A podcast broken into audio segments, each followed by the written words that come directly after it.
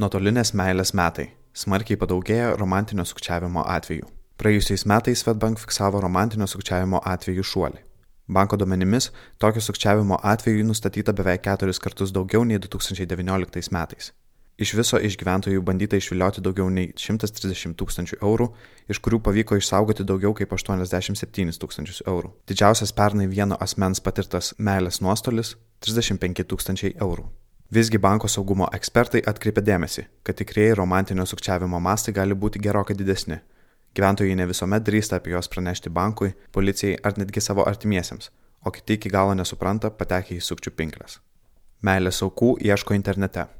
Pernai gyventojai dėl pandemijos patyrė nemažai iššūkių, įskaitant ir apribotas galimybės bendrauti gyvai su kitais žmonėmis, lankytis laisvalaikio ir pramogų vietose. Tad didesnis vienišumo jausmas ir poreikis daugiau bendravimo perkelti į nuotolinės platformas turėjo įtakos romantinio sukčiavimo šuoliui. Pastaruoju metu interneto erdvėje sukčių veikla ypač suaktyvėjusi, sako Svetbank informacinės saugos vadovė Žygėda Augonė. Pasak ekspertės, didžiausia iššūkiai kyla, kai gyventojai patikėję romantiniais sukčių pasakojimais ir jiems neva iškilusiais sunkumais nenori pripažinti, jog yra apgaudinėjami ir nekreipia dėmesio į banko darbuotojų ar policijos perspėjimus. Svetbank duomenimis, per pastaruosius dviejus metus banko darbuotojams pavyko įtikinti 24 klientus, kad jų mokėjimo pavedimai bus skirti sukčiams ir jie patirs asmeninių finansinių nuostolių.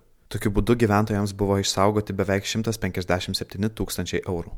Žygėda Augonė pabrėžė, kad klientų aptarnavimo padalinių darbuotojai paprastai atpažįsta netipinę klientų elgseną, kai šie ateina pervesti lėšų sukčiams. Kartais patiems darbuotojams pavyksta juos atkalbėti, kartais tenka pasitelkti policijos pagalbą. Deja, pasitaiko atveju, kai sukčių melas būna toks įtaigus, kad dalies klientų visgi nepavyksta atkalbėti net su policijos ar psichologų pagalba. Į sukčius pastus pakliūva ne tik moterys. Kaip pastebi Svetbank atstovė, įprasta manyti, kad romantinių sukčių aukomis tampa tik moteris. Ant donžuanų kabliuko moteris iš tiesų užkimba dažniau, tačiau tokio tipo sukčių žabangų neišvengia ir vyrai.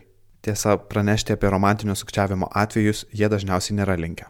Paprastai į sukčius pastus patekę vyrai įtiki bendraujantys su moterimi, tačiau iš tiesų jiems pinklės resga vyriškosios lyties atstovas. Pasak žygėdos augonės, aukoms dažniausiai pasakojamos graudžios istorijos, teigiama, kad reikalinga finansinė pagalba sergančiai mamai ar kitam artimajam. Sukčių aukos tokiais atvejais perveda pinigų ar net leidžia susikurti Smart ID paskyrą savo telefone ir patiems sukčiams tvirtinti mokėjimus. Susimoka už dovanas, kurių niekada negaus. Siunčiau tau brangę dovaną, bet jis strigo muitinėje. Ne vieną ir ne du kartus sukčių aukų girdėta frazė. Tačiau padėjus finansiškai išspręsti neva netikėtus nesklandumus, dovana paprastai užstringa dar keliose tarpinėse stotelėse ir joms išspręsti vėl prašoma pervesti pinigų. Taip sukčių aukos kelisik susimoka už dovanas, kurių iš tiesų niekada negaus. Žygėda Augonė atkreipė dėmesį, kad nemažai romantinio sukčiavimo schemų yra jau nekarto viešintos, kalbintos aukos, kurios aklai tikėdavo suradusios tą vienintelę meilę. Nepaisant to, sukčiams vis dar pavyksta prasimanyti pinigų, kuriant istorijas apie savo tarnavimą karinėse misijose ir pinigų trūkumą norint grįžti namo pas mylimąją. Kitas klasikinis atvejis. Internetinis mylimasis iš užsienio išreiškė didžiulį norą pasimatyti, tačiau sako negalintis atvykti, nes neturi pakankamai pinigų lėktuvo bilietams. Svetbank informacinės saugos vadovė Žygėda Augonė pabrėžia, kad siekdami išvilioti pinigų iš savo aukų, romantiniai sukčiai skiria daug laiko bendravimui, neskuba ir įtikina savo nuoširdumu, kol net standartinės sukčiavimo klišės tampa nebet pažįstamos. Todėl į bet kokias per internetą užmėgstas pažintis, kol su žmogumi nesusitikote realiame gyvenime, reikėtų žvelgti itin atsargiai.